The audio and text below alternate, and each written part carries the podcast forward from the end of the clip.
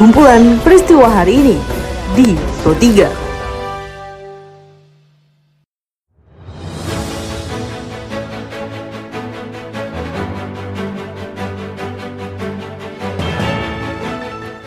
pendengar, saat ini Anda sedang mendengarkan kumpulan peristiwa Pro 3.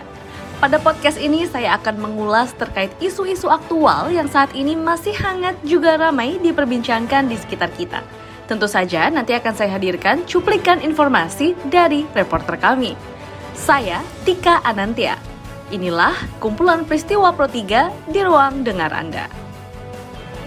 Pendengar sebelum masuk ke dalam beberapa isu aktual yang akan saya hadirkan sesaat lagi, saya ingin mengundang Anda terlebih dahulu untuk mampir dan follow sosial media kami di @rri Programa 3 di Instagram, Twitter, juga Facebook Anda.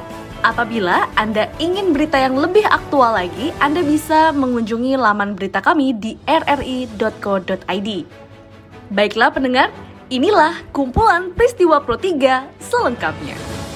Pendengar Menteri Kesehatan Republik Indonesia Budi Gunadi Sadikin mengatakan Indonesia akan mendapatkan vaksin COVID-19 secara gratis sebanyak 54 juta hingga 108 juta dosis vaksin. Vaksin itu akan datang lebih cepat, diperkirakan di akhir Februari atau di awal Maret 2021. Vaksin gratis tersebut merupakan buah keberhasilan kerjasama multilateral dengan Gavi. Ada berita baik juga disampaikan oleh Ibu Menlu kerjasama multilateral kita dengan Gavi juga kelihatannya akan menghasilkan putusan yang baik. Diharapkan bahwa 5 minimal 54 juta dosis, maksimal bisa menjadi 108 juta dosis, vaksin gratis kita bisa dapatkan dari Gavi, dan berita baiknya mungkin itu bisa datang lebih cepat, either di akhir Februari atau di awal Maret. Dan vaksin yang datang dari Gavi pilihannya adalah Pfizer, AstraZeneca yang sudah dapat izin EUA-nya, yang belum dapat izin EUA-nya eh, dan Moderna, tiga itu Pfizer, AstraZeneca, Moderna yang sudah dapat izin persetujuan dari negara asalnya dan ada satu lagi Novavax. Kami sekarang lagi berdiskusi, berdiskusi juga berdiskusi dengan Pak Menko jenis apa yang kita mau ambil. Karena vaksin-vaksin ini Bapak Ibu ini bisa diberikan di atas usia 60 tahun. Di atas usia 60 tahun. Menteri Perhubungan Budi Karya Sumadi menyatakan, para keluarga penumpang dan awak pesawat Sriwijaya Air SJ182 berharap anggota keluarga mereka dapat dimakamkan di kota asal karena korban tidak hanya berasal dari Pontianak. Diliput reporter kami Saada Turain berikut pernyataan dari Menteri Budi.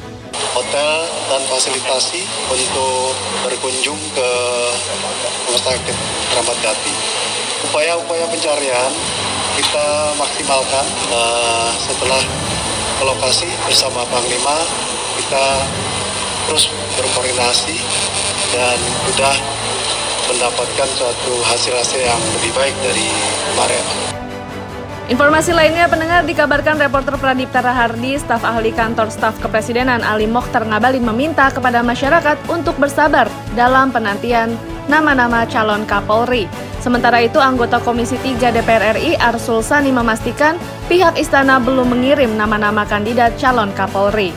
Uh, kami belum tahu apakah sudah masuk atau belum, tapi rasanya belum karena tentu biasanya pemerintah juga akan mengirimkan surat kepada DPR itu ketika DPR ada dalam masa sidang, bukan hmm. ketika dalam masa reses. Kita beralih ke informasi lainnya, pendengar di mana Hakim Tunggal Pengadilan Negeri Jakarta Selatan menolak gugatan pra peradilan yang diajukan oleh Rizik Sihab terkait dengan penetapan tersangka penghasutan dalam kasus kerumunan. Dengan demikian, penetapan status tersangka Rizik Sihab menjadi sah Lalu bagaimana tanggapan dari pihak Rizik Sihab?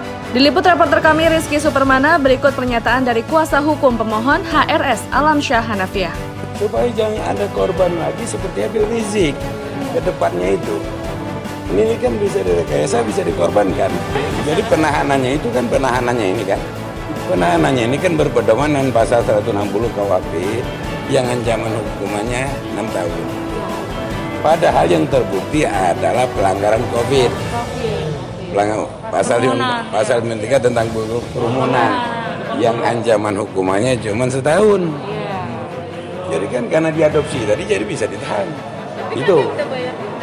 itu lain itu nanti. Ini ini maksud saya yang semestinya soal penahanan.